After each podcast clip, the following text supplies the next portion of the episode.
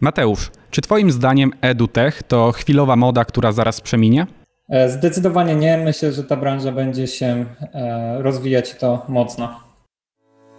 Cześć, słuchasz Project People Podcast, czyli audycji biznesowej, w której spotykają się strategzy oraz praktycy, omawiając zagadnienia związane m.in. z modelami biznesowymi.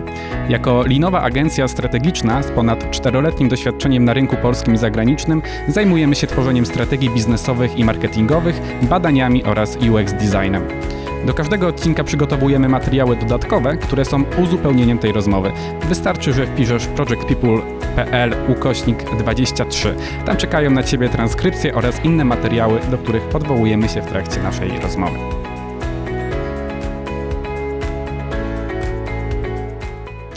A przechodząc do tematu dzisiejszego odcinka. Mark Twain napisał kiedyś, że nigdy nie pozwolił na to, aby szkoła stanęła na drodze do jego edukacji. I zdaje się, że jego słowa nigdy chyba nie były bardziej aktualne. Żyjemy w świecie, w którym pojęcie edukacja zmienia swoje znaczenie, bo edukacja nie ogranicza się już do szkoły, edukacja nie ogranicza się już do dzieci. Edukacja dotyczy nas wszystkich, jeśli chcemy nadążyć za niesamowitym tempem zmian, które zachodzą na naszych oczach. Żyjemy w erze informacji, gdzie walutą jest wiedza. I właśnie, od pewnego czasu obserwujemy romans edukacji z technologią. Zmienia się nie tylko podejście do nauki, ale też metody nabywania nowej wiedzy. Z tego zjawiska rodzi się branża, którą określamy mianem edtechu. Branży, która rośnie w niesamowitym tempie. Cześć, z tej strony Kamil Cupiał, strateg w Project People. E, naszym dzisiejszym gościem w tym wirtualnym studio jest Mateusz Rybiński, człowiek, dla którego EduTech jest środowiskiem naturalnym. Cześć Mateusz. Skąd do nas nadajesz? Cześć, aktualnie nadaję z Jakarty w Indonezji. Super, cieszymy się. Właśnie to też pokazuje, jak technologia e, daje nam niesamowite możliwości, że możemy się spotkać, będąc de facto na dwóch różnych e, półkulach. E, Mateusz, jesteś prezesem fundacji EduTech Poland, prowadzisz edutechowy startup CyberFox, założyłeś największą szkołę programowania w Indonezji, rozwinąłeś sprzedaż w do imponujących rozmiarów. No, patrząc na twoje doświadczenie, nie mogę się oprzeć wrażeniu, że EduTech nie ma przed sobą żadnych tajemnic. Mm, czy mógłbyś opowiedzieć, jak zaczęła się Twoja przygoda z edukacją? Jasne. Moja przygoda z edukacją zaczęła się 6 lat temu już, kiedy to mój znajomy, właśnie jeszcze jak mieszkałem w, w Dżakarcie, e, znajomy podszedł do mnie i powiedział: Słuchaj, chcę zapisać swoje dzieci do szkoły programowania tylko nie mogę znaleźć żadnej e, takiej szkoły w Dżakarcie. Mm, ja obecnie, ówcześnie miałem taki mały software house, więc e, dla niego byłem tą osobą, która wie coś o technologiach. On natomiast był przez ponad 12 lat nauczycielem i powiedział: No to ty wiesz coś na temat technologii, ja wiem coś na temat edukacji, więc może zaczniemy taką szkołę. E, no i tak to się zaczęło. Potem wróciłem do Polski, e, dołączyłem do chłopaków ze Skriware. Tam no od zera e, udało nam się rozwijać ten startup do jakiejś tam dystrybucji w kilkudziesięciu krajach na całym świecie. Tą edukację też poznałem bardzo poprzez jeżdżenie do różnych miejsc, od takich powiedzmy niszowych dla rynku edtech jak Nigeria, po takie powiedzmy najbardziej rozwinięte jak Stany Zjednoczone.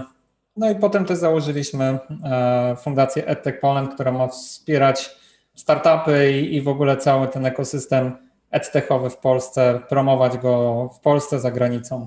Dzięki. E, bardzo spodobało mi się, e, spodobała mi się ta historia, jak ty jako osoba prowadząca software house spotykasz e, się z osobą z doświadczeniem w edukacji i wspólnie tworzycie coś nowego, biorąc z jednej i z drugiej gałęzi coś, co daje nową wartość. I myślę, że na tej historii możemy też zbudować odpowiedź na pytanie kolejne, a mianowicie w jaki sposób rozumiesz edtech? Czym dla ciebie jest edtech? To jest w ogóle bardzo ciekawe, pojęcie, ciekawe pytanie, ponieważ to pojęcie jest różnie postrzegane przez różne osoby, są różne definicje, ale jeżeli w ogóle mówimy edtech, edutech, no to można w ogóle rozwinąć to na dwa sposoby, tak? To jest albo edukacja technologiczna, albo technologie w edukacji, co nie do końca jest to samo.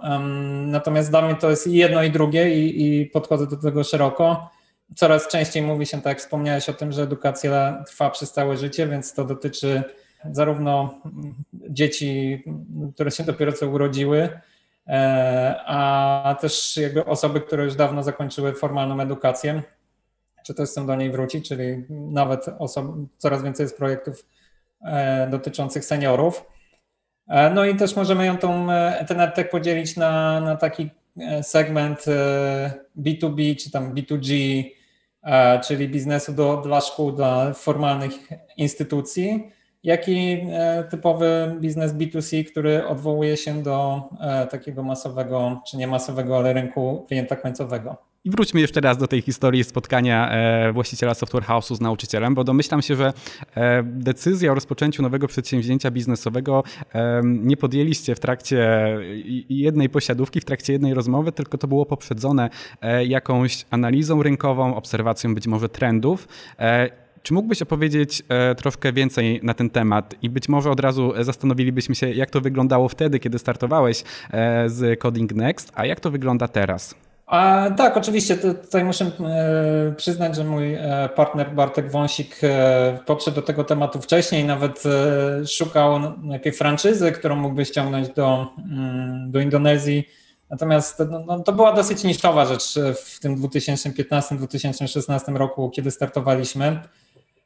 Więc powstawały analizy na ten temat. Można było czytać, że gdzieś tam w różnych miejscach na świecie powstają takie szkoły programowania dla dzieci, też e, w ogóle sam koncept e, i obniżenie tego progu programowania dla dzieci, nauki programowania dla dzieci e, dużo zmienił program Scratch z MIT, który wprowadził może nie jako pierwszy, ale tak upowszechnił programowanie blokowe. Też ten program był i jest darmowym, więc jest powszechnie znany. Tak, to się dużo zmieniło generalnie, bo w tym roku 2015-16, kiedy zaczynaliśmy i przez kilka kolejnych lat, jak e, zwłaszcza w Indonezji opowiadaliśmy, że uczymy programowania dzieci, to e, często musieliśmy odpowiadać na pytanie, czym jest e, w ogóle programowanie, więc to jest i do, zdarza się to do tej pory, natomiast coraz rzadziej. To, to jest duża zmiana w uświadomieniu klientów, w ogóle ludzi na temat tego, że właśnie można nauczać technologii. Też byliśmy pierwszą potem szkołą, która zaczęła uczyć pięcio-sześciolatki programowania, czy można powiedzieć algorytmiki. Natomiast to staje się coraz bardziej powszechne.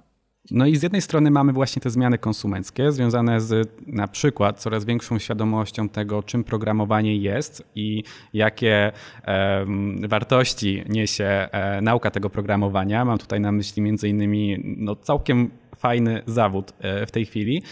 Ale z drugiej strony mam wrażenie, że mamy też e, takie trendy związane chociażby z trwającą właśnie epidemią, która w ogóle zmienia podejście do um, nauczenia się jako takiego, prawda? E, więc jak na przykład na Twoje biznesy czy biznesy Twoich partnerów, z którymi rozmawiasz w ramach fundacji, wpływa obecna sytuacja? Tak, to ma kilka czynników to pytanie, odpowiedź na to pytanie, bo z jednej strony taki generalnie to mm, można uznać, że pandemia zrobiła taki duży boost, jeżeli chodzi o edtech. Mm, to wręcz skokowa zmiana, jeżeli chodzi o świadomość istnienia branży, czy to wśród inwestorów, czy wśród e, ludzi związanych z technologiami. Jeszcze um, z półtora roku temu, jak mówiłem EdTech, to za bardzo ludzie nie byli e, tym zainteresowani albo nie wiedzieli, co to jest do końca. E, też jeżeli chodzi o inwestorów, to, to nie był najgorętszy temat, mówiąc e, tak powiedzmy bardzo lekko na, o tym, bo po prostu nie, nie było dużego zainteresowania tym. Natomiast od czasów pandemii zauważam, bardzo duże zainteresowanie. Też do naszej fundacji e, same fundusze się zgłaszają i pytają o, o porady w różnych kwestiach. Widać, że um, jest e, duży boost. Ja tutaj może tylko wtrącę takie cyferki, bo akurat mam e, przed oczami e, raport European EdTech Funding z 2021 i według tego raportu w 2020 roku e, finansowanie było dziesięciokrotnie większe niż w 2014 roku. No to to jest niesamowita przepaść. Tak, tak. No, zainteresowanie jest ogromne, się zaczęło. Natomiast jeżeli chodzi o same biznesy techowe, ja mam najczęściej do czynienia z biznesami, które są nastawione na tą edukację K-12, czyli od przedszkola do końca szkoły. Mm, no i można zauważyć, że te firmy, które, w którym wcześniej trochę się nie wiodło, bo miały oprogramowanie, było nastawione właśnie typowo software'owo, no to tutaj zyskały bardzo dużo. E, niekoniecznie od razu w przychodach, ale w e, ilości użytkowników.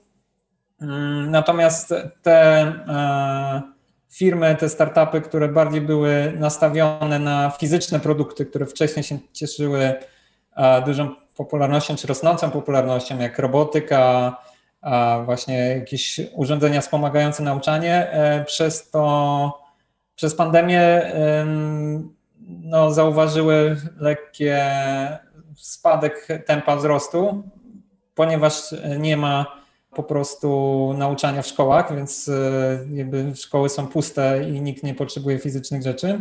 Natomiast wydaje mi się, że to jest e, e, taki chwilowy problem i ci, którzy przetrwają, to dostaną też dużego kopa, bo jak ludzie zaczną wracać do szkół, chociażby z tego powodu, że nauczyciele w końcu zrozumieli, że ta technologia jest, mieli czas i motywację dużą, żeby z tą technologią się zapoznać i to tak z dnia na dzień musieli tak naprawdę się wiele rzeczy nauczyć.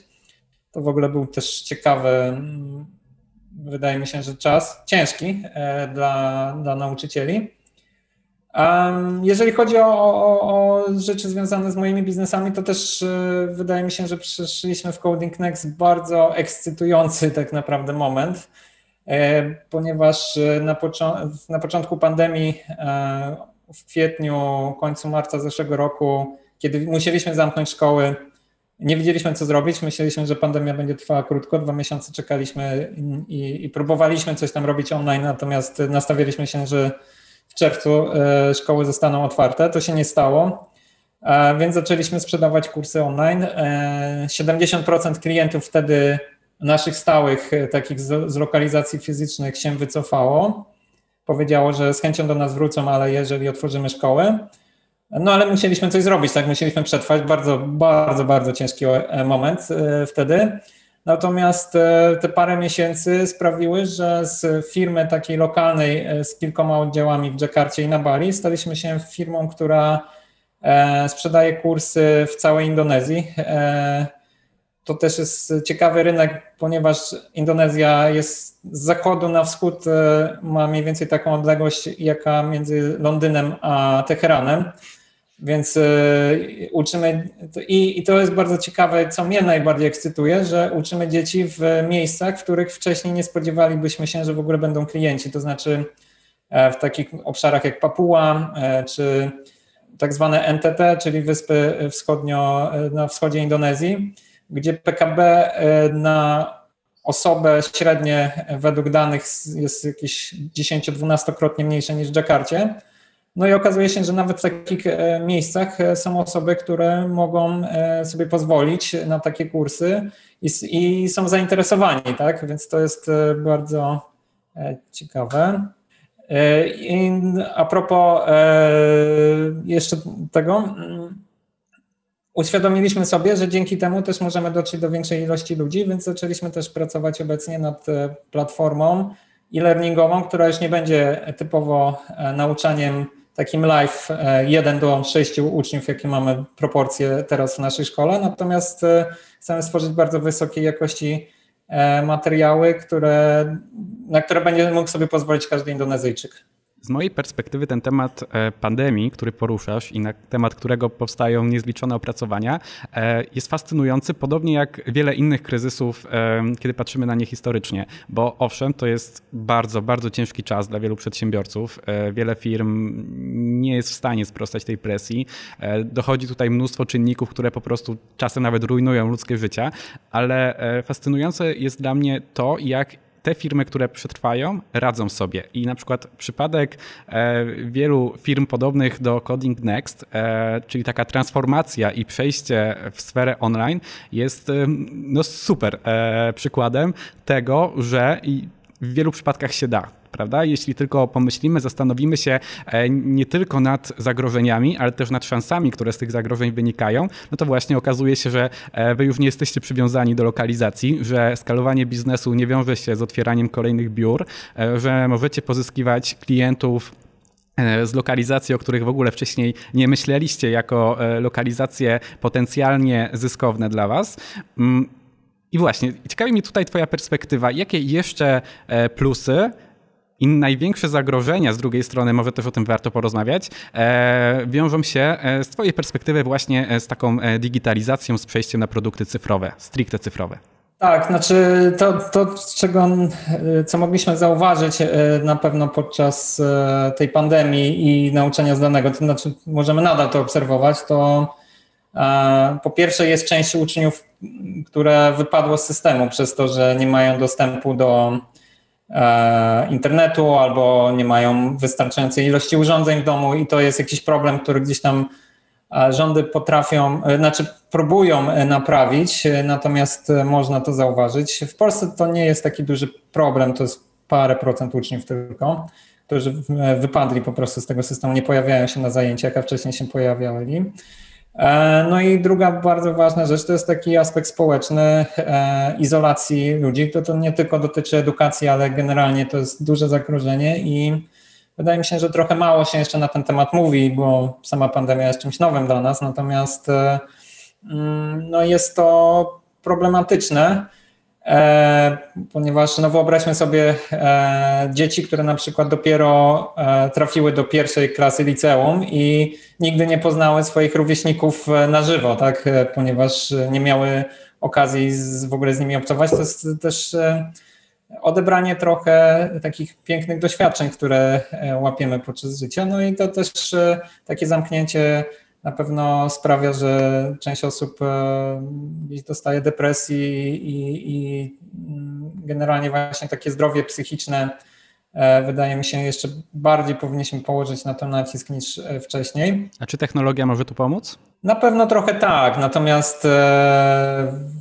trzeba się zastanowić w mądry sposób, jak tak naprawdę e, może pomóc, ponieważ wydaje mi się, że bliskość drugiej osoby i obcowanie z innymi ludźmi jest czymś ciężkim do zastąpienia i mam nadzieję, że nie pójdziemy tak głęboko w technologicznie, że będziemy chcieli to zupełnie zastąpić kiedyś w czasach popandemicznych. E, natomiast e, sam fakt, że ja jestem teraz w Dżakarcie, a wy jesteście w Krakowie i możemy nagrywać ten podcast sprawia, że technologia daje dużo możliwości komunikacji i między ludźmi.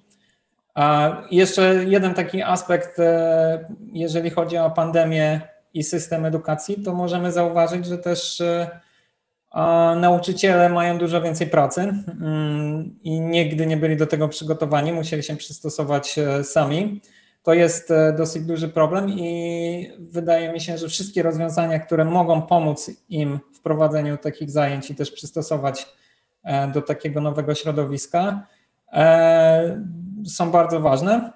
I też możemy pomyśleć o tym, że wydaje mi się, że w postpandemicznym świecie, o tym się coraz częściej mówi, e, nie będziemy mieli takiej edukacji, jaką mieliśmy wcześniej, tylko raczej to będzie edukacja hybrydowa, która będzie łączyć elementy uczenia zdalnego z uczeniem takim stacjonarnym. Okej, okay, i przykład, który podałeś, e, idealnie e, pokazuje też, w jaki sposób e, zmienia się w pewien sposób rola nauczyciela, bo on już nie jest nauczycielem tylko w szkole, tylko jest nauczycielem także poza. I technologia, która umożliwia nam poszerzenie tej naszej rzeczywistości, wejście w tą cyberprzestrzeń, no, powoduje, że również szkoła się tak naprawdę rozszerza. Już nie ma takich fizycznych granic, co widać też przy okazji tych różnych przedsięwzięć edukacyjnych. I na tym teraz chciałbym się skupić, bo wspomniałeś o procesie transformacji cyfrowej, którą przeszła Twoja firma. E, czyli e, przejście z takich kursów, z takich lekcji typowo stacjonarnych na, e, na, na, na lekcje online. I zastanawia mnie, jakie jeszcze dobre strony dostrzegasz w tym, co wymusiła na Was ta pandemia. Przede wszystkim też to, czego może jeszcze nie powiedziałem, to pandemia też pobudziła dużo nowych firm, które powstały od zera, tak? Zwłaszcza firmy, które zajmują się czy to taką cyfrową opieką nad e, dziećmi, czy właśnie rozwiązaniami typowo do nauki zdalnej, No jest tego trochę, też takie zajęcia pozalekcyjne, dodatkowe, które wcześniej były stacjonarne, teraz są właśnie online'owo. I wydaje mi się, że to, co też zauważam, to mm, przez to, że zaczęliśmy trochę szukać różnych rozwiązań, to ta, ta edukacja będzie trochę mniej formalna. E, ludzie będą bardziej zastanawiali się, e, jak ona powinna wyglądać i, jak, e, i czego powinniśmy się uczyć. Mm, tutaj możemy zobaczyć kilka trendów, chociażby spadek zainteresowania szkolnictwem wyższym w Stanach Zjednoczonych i to tak już dosyć poważnie się o tym mówi, że mm, coraz mniej ludzi widzi wartość e, w tym nauczaniu versus wysokie koszty, jakie to generuje na start dla e, milionów Amerykanów. Czyli co teraz Amerykanie wolą sobie wykupić jakiś własny kurs e, online niż iść na uniwersytet? Trochę tak, w sensie bardziej też się skupiają na dostosowywaniu tego, czego chcą się nauczyć. Może nie wszyscy muszą też kończyć e, uniwersytet, może wystarczy pójść na jakiś e, bootcamp e, z programowania czy zupełnie innej dziedziny, tak nie, niezwiązanej już z tym programowaniem, żebyśmy nie kręcili się tylko wokół tego, ale wydaje mi się, że dużą popularnością rośnie popularność takich dodatkowych zajęć e, czy dostosowywania e, się do nowych zawodów, zmiany też e, zawodów. Mm, I trochę traci na znaczeniu taka formalna edukacja. Oczywiście Harvard, Stanford, MIT i tak dalej to zawsze będą, w sensie na pewno nadal są to duże marki i przyciągają ludzi, są gwarantem pewnej jakości ale też możemy zauważyć taką trochę demokratyzację dostępu do tego kontentu, który e, na przykład Harvard czy Stanford e, oferowali poprzez właśnie różnego rodzaju, czy to na kurserze, czy na innych e, platformach, kursach, które są dostępne właśnie też stworzone przez wykładowców e, z takich topowych uczelni. Także to, wydaje mi się, że dostęp do edukacji, e, takiej wysokiej jakości edukacji nie był, nigdy nie był tak e, dostępny jak teraz. Z jednej strony mamy demokratyzację dostępu, ale z drugiej strony mamy też demokratyzację nauczania, czyli teraz w zasadzie każdy, kto jest ekspertem w jakiejś dziedzinie, w zasadzie może stworzyć własny produkt cyfrowy. Czy to tak wygląda z Twojej perspektywy? Tak, tak. Też e, na pewno możemy zauważyć, że e, w ogóle więcej ludzi zaczęło tworzyć treści. Może trochę mieli więcej czasu e, podczas pandemii, albo ich zawody ucierpiały. No, już tak abstrahując, na przykład trenerzy personalni i właśnie różnego rodzaju kursy dotyczące mm, treningów online, tak? To też bardzo szybko rosnąca jakaś tam gałąź i, i, i takich e, gałęzi jest bardzo dużo. Także możemy zauważyć, że e, tak jak powiedziałeś, więcej osób też może stać się osobą, która uczy. E, no tylko gdzieś dojdziemy do tego momentu, kiedy też trzeba będzie się zastanowić nad jakością, tak? Chociaż nie można powiedzieć, że te, ci amatorzy zawsze są gorsi od wykładowców, którzy byli od lat e, w, na uczelniach, ponieważ e, wydaje mi się, że też dużo częściej tworzone są właśnie projekty przez praktyków w danych dziedzinach, a nie tylko teoretyków. Okej, okay, i załóżmy, że ja jestem takim praktykiem, posiadam ekspercką wiedzę w jakiejś dziedzinie i słucham na przykład tego podcastu, dowiaduję się o trendach w edukacji, e-edukacji i e, chcę stworzyć własny produkt edukacyjny, czy to jakiś kurs online, czy to może płatne webinary, płatny newsletter, e, albo jakąś rozbudowaną platformę, aplikację, no cokolwiek. E, od czego byś na miejscu takiej osoby zaczął? Jak byś przeprowadził jakąś analizę? Jak byś podszedł do podejmowania decyzji, jak i co stworzyć i następnie to sprzedać?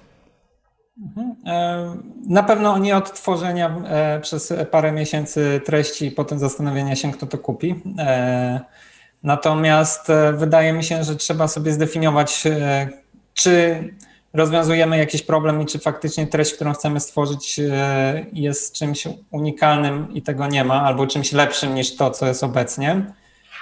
Zastanowić się, kto to kupi i najpierw porozmawiać z ludźmi, którzy są potencjalnymi klientami i E, sprawdzić, czy faktycznie widzą, że jest taki problem i czy chcieliby za to zapłacić. Jeżeli mamy mm, już jakieś rozeznanie, widzimy, że jest e, zainteresowanie, no to generalnie ja jestem e, zwolennikiem takiego linowego podejścia właśnie i najpierw badania potrzeb, tworzenia MVP i dalej tworzenia produktu. Wydaje mi się, że, że to jest ta droga, która teraz jest, y, no może nie jedyną właściwą, ale w większości przypadków prawdopodobnie najbardziej optymalną, więc zacząłbym od tego może zbierania jakichś leadów e, na zasadzie landing page'a, czy, czy zastanowienia się, czym może być to MVP.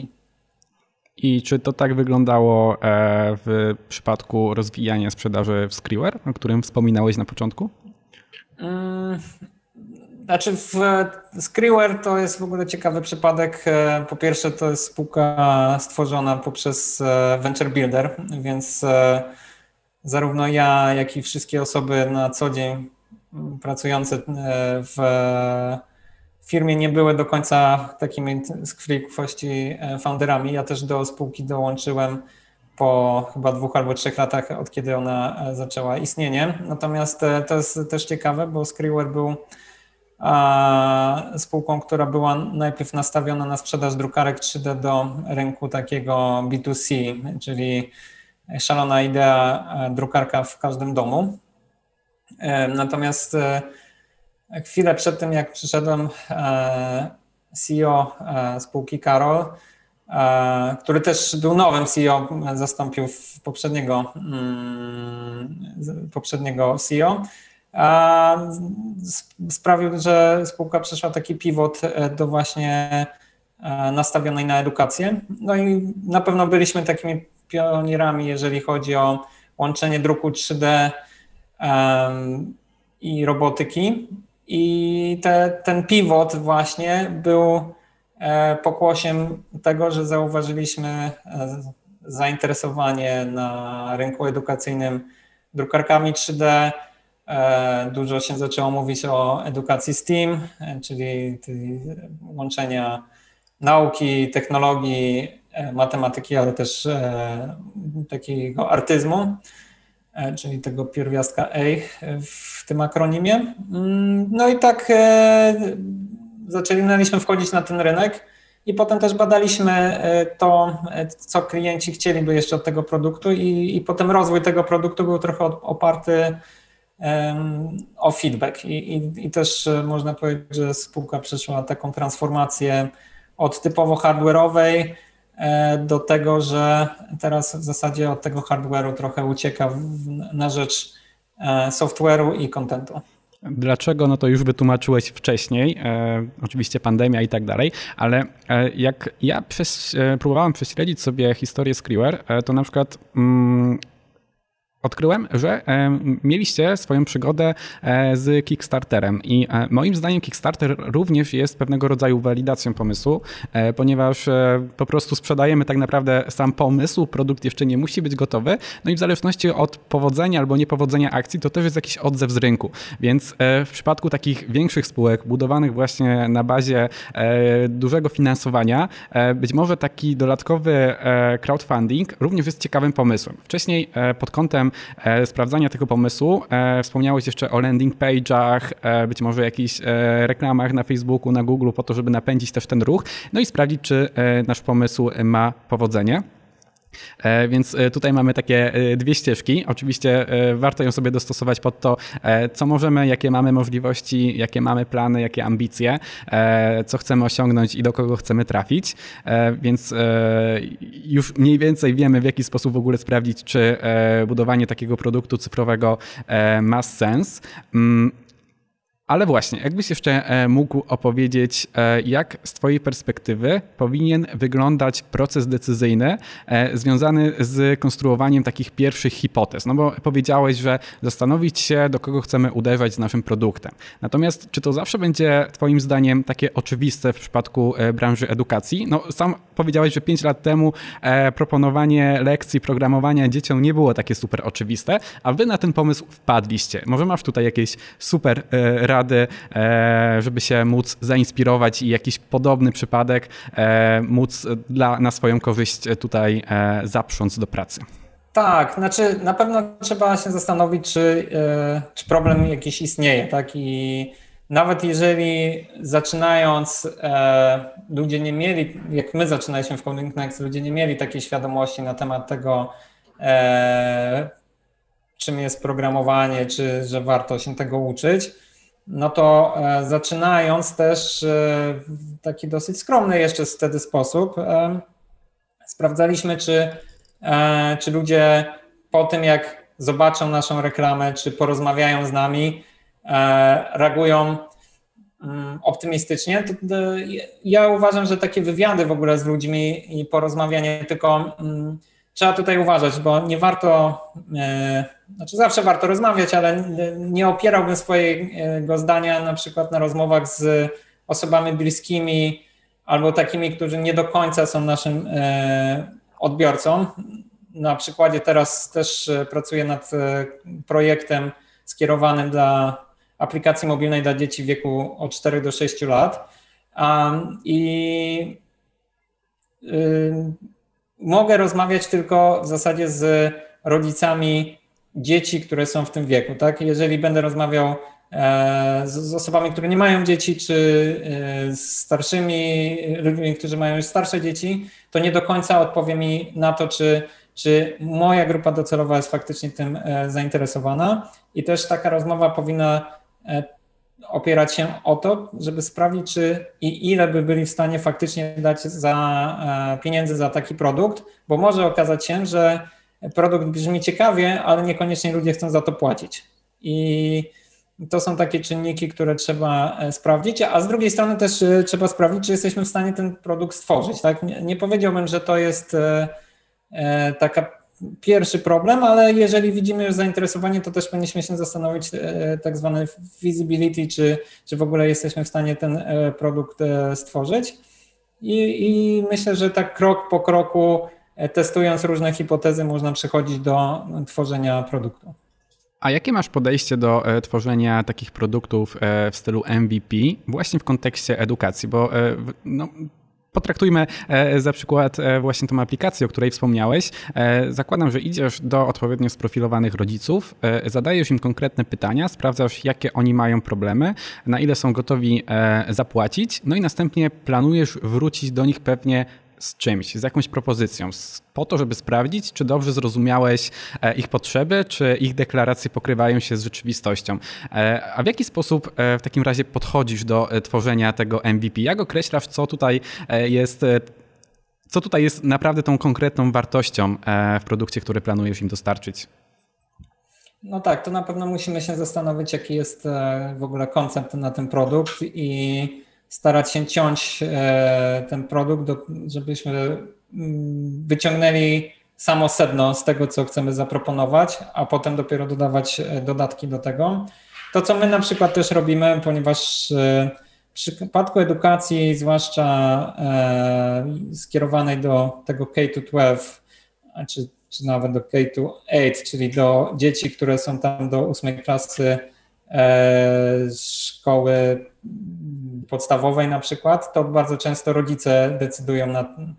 Rodzice są faktycznym klientem. Też e, jeżeli się zastanowić nad potem reklamowaniem tego produktu, no to um, Facebook e, Ads czy Instagram Ads nie pozwalają e, targetować reklam do dzieci, które są, znaczy w ogóle do osób poniżej 18 roku życia, tak? Więc mamy tutaj podwójnego klienta, więc z jednej strony trzeba sprawdzić, E, zachowanie i opinie rodziców, a z drugiej strony też trzeba sprawdzić, czy to, co e, rodzice uważają, że jest ok, i to, co my uważamy, że jest ok, czy faktycznie dzieci e, będą chciały z tego korzystać, więc przy okazji tej aplikacji, o której wspomniałem, nad którą pracujemy, e, no to też e, testujemy kawałek po kawałku tą aplikację z dziećmi, mm, nie tworząc całej aplikacji, tylko tworząc kolejne części, sprawdzamy jak one reagują, też tworzymy dalsze iteracje niektórych części tego projektu. E, no i też e, w międzyczasie sprawdzamy reakcje rodziców na ten, e, na ten produkt. Okej. Okay. Rozumiem, że teraz jesteś w trakcie sporej inwestycji i to czasu i pewnie własnych środków w rozwijaną aplikację. Czyli rozumiem, że jesteś entuzjastycznie nastawiony wobec trendów, które edutechowi będą towarzyszyć, nawet w tym świecie postpandemicznym, tak? Mm, zdecydowanie. Jestem. E, w ogóle, jeżeli się zastanowimy nad edukacją i e, nad technologią, to szkoła, którą znamy obecnie, powiedzmy przed, pandemią, e, a szkoła, która była 30-40 lat temu, tak naprawdę niewiele się zmieniła. I tu też mówimy o wyższej edukacji, czy edukacji K-12 widać małe zmiany, natomiast jeżeli chodzi generalnie o e, jakieś takie większe e, zmiany, no to ciężko je dostrzec, tak? E, z drugiej strony możemy zauważyć, że cały świat po prostu pędzi do przodu, ta technologia jest wszechobecna i, i trudno nawet nadążyć za tym i robić jakieś predykcje na kilka lat do przodu, co technologia nam przyniesie, więc Siłą rzeczy e, świat e, ten edukacji musi dostosować się do obecnej sytuacji na świecie, ponieważ coraz częściej zauważamy dysonans między tym, co uczniowie czy e, absolwenci szkół umieją, a to, co jest potrzebne na rynku pracy. Więc to wydaje mi się, że wszystko dąży do tego, żeby ta edukacja przeszła bardzo duży, e, duże zmiany, e, dużą, może nawet rewolucję. E, natomiast to nie. Pandemia, tak jak mówiłem, też przyspieszyła trochę te wszystkie zmiany, i to wydaje mi się, mówi się o 3-5 latach takiego, powiedzmy, przeskoku technologicznego. E, więc to będzie tylko trend, który będzie na pewno e, cały czas rósł. E, zresztą na przykład same inwestycje takie Unii Europejskiej w edukację możemy zauważyć, że w ramach tego programu odbudowy po, po pandemicznej znacząca część środków będzie właśnie przeznaczona na edukację. Także Wydaje mi się, że wszystkie znaki na niebie i ziemi mówią o tym, że, że to się zmienia i, i tu będzie tylko rosło. Jeżeli chodzi o sam mój produkt, e, o którym wcześniej wspomniałem, no to, to z kolei jest też e, z innym trendem związanym, z tym, że dzieci coraz częściej i coraz więcej czasu spędzają e, z urządzeniami mobilnymi. Natomiast rosną też obawy ze strony rodziców na temat tego, czy to im służy, czy nie służy, bo z jednej strony większość rodziców wierzy, że technologia i obcowanie z technologią może pomóc dzieciom w rozwoju, natomiast e, z drugiej strony znacząca część e, też rodziców ma obawy, czy ten content, do którego mają dostęp e, dzieci, jest na pewno pozytywnie wpływający na ich rozwój. E, wspomniałeś o tej rewolucji edukacyjnej. E, jeśli to nie wybrzmiało wcześniej, to my w Project People też w pełni w to wierzymy i też obserwujemy po naszych klientach rosnące zainteresowanie różnego rodzaju produktami edukacyjnymi, czy to jako podstawa, czy to jako e, produkt gdzieś tam dodatkowy w celu dywersyfikacji tych przychodów. No i w związku z tym mam pytanie do Ciebie, jaką masz radę, mając tak szerokie spojrzenie na całą branżę, do tych osób, które chciałyby do tej rewolucji edukacyjnej dołączyć? Na pewno trzeba porozmawiać z ludźmi, którzy, w sensie trzeba się zastanowić, jakie są problemy i jakie możemy rozwiązać. Tak, jakby trochę powtarzam to jak mantrę, ale jeżeli myślimy o startupie, czy myślimy, e, myślimy o e, tworzeniu jakiegoś nowego projektu, no to powinniśmy się wyjść od tematu problemu, tak? E, I, i, i ten problem trzeba znaleźć i potem porozmawiać z osobami, które ewentualnie miałyby być w to zamieszane. To znaczy, Często myśli się o e, problemach na przykład w szkole, ale rzadko rozmawia się z nauczycielami na temat tego i zwłaszcza w takim przedpandemicznym świecie, mieliśmy bardzo wiele produktów czy usług, które były kupowane przez szkoły czy przez samorządy i to nie tylko w Polsce, to jest w ogóle globalny trend, a potem nie były używane. Tak? Ja mm, widziałem przepiękne pracownie, które stały i, i na przykład drukarki 3D, które były schowane gdzieś tam po szafach, bo nikt nie wiedział, jak z tego korzystać albo nie widział po co. Natomiast y, brzmiało to sexy, więc y, kupowaliśmy. E, taką ciekawą rzeczą w ogóle jest na przykład e, współpracując z taką organizacją partnerską EdTech Finland. E, w Finlandii jest program kokreacji produktów edukacyjnych z nauczycielami fińskimi. To jest program otwarty dla startupów z całego świata i można tworzyć produkt właśnie w oparciu o ciągłe testy e, przez nauczycieli z Finlandii. Wydaje mi się, że to jest bardzo ciekawa opcja i mam nadzieję, że takie opcje też będą się pojawiać w Polsce i w innych krajach, że ten świat edtechów, startupów e, wejdzie tak głęboko w tą edukację, że e, no, będzie się przenikać tak, to jest w Finlandii, która jest gdzieś tam wiadomo zawsze, jeżeli myślimy o innowacji w edukacji, no to ta Finlandia jest pewnie jednym z trzech najczęstszych e, miejsc, które przychodzą nam do głowy. I tym życzeniem, żebyśmy w temacie edukacji powoli stawali się drugą Finlandią, Szwecją czy Norwegią, kończymy dzisiejszą rozmowę. Bardzo Ci, Mateuszu, dziękuję za inspirująco spędzony czas w trakcie którego udało nam się e, w ekspresowym tempie podsumować obecne trendy w edukacji, w technologii, zastanowić się, jak podejść do e, sprzedaży produktu edukacyjnego. Wiele razy wspomniałeś o e, zaczynaniu pro, e, projektowania produktu od e, problemu, e, więc wspomnę tylko, że e, w naszej biblioteczce Lean, narzędzi Lean, e, znajdziecie super szablon do Problem Solution Fit, od którego myślę spokojnie można zacząć taki proces myślowy związany z tym, jaki produkt chcemy zacząć projektować i sprzedawać. Gorąco wszystkich słuchaczy zapraszam do odwiedzin i do pobrania. Tobie Mateusz e, bardzo, bardzo, bardzo e, dziękuję za poświęcony e, nam dzisiaj tutaj czas i mam nadzieję, że pozostaniemy w kontakcie. Bardzo dziękuję bardzo za zaproszenie.